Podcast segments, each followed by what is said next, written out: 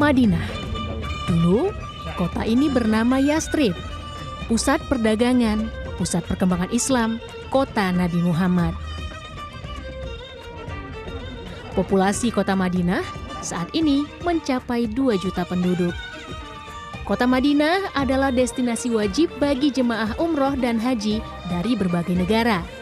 Dan inilah suasana Masjid Nabawi di area jemaah wanita menjelang sholat Jumat berjamaah. Citra kota Madinah baru-baru ini disoro dunia. Pertengahan Februari lalu, salah satu situs perjalanan berbasis di Amerika, Insure My Trip, mengeluarkan hasil penelitian kategori kota teraman. Dari 65 negara, Madinah menempati urutan pertama dengan skor sempurna sebagai kota teraman bagi pelancong wanita. Madinah menjadi salah satu tempat teraman bagi perjalanan uh, seorang wanita atau solo travel for for women. Nah, saya mau coba ke beberapa tempat uh, di sekitar kompleks Masjid Nabawi sendirian. Di waktu yang cukup singkat selama saya di Madinah, saya akan memanfaatkan kesempatan saya di kota teraman mulai dari komplek Masjid Nabawi.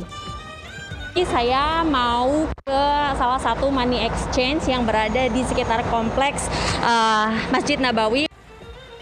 Sekalipun di tempat penukaran uang tanpa petugas keamanan yang cukup ketat, pengunjung wanita dapat menukarkan uang dengan aman.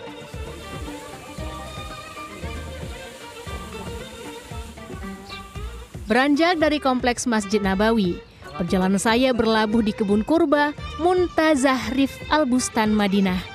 Kebun dengan pohon-pohon kurmanan asri ini menjadi tempat nyaman dan aman bagi keluarga bersantai di bawah pohon kurma, tempat bermain yang aman untuk anak-anak. Merujuk pada penelitian, salah satu indikasi Madinah sebagai kota teraman yaitu rendahnya nilai kriminalitas dan ramah lingkungan untuk anak dan keluarga. Sementara Thailand sebagai kota teraman kedua dan Dubai berada di peringkat ketiga. Vina Nabila, Revolusi Riza, Madinah, Arab Saudi.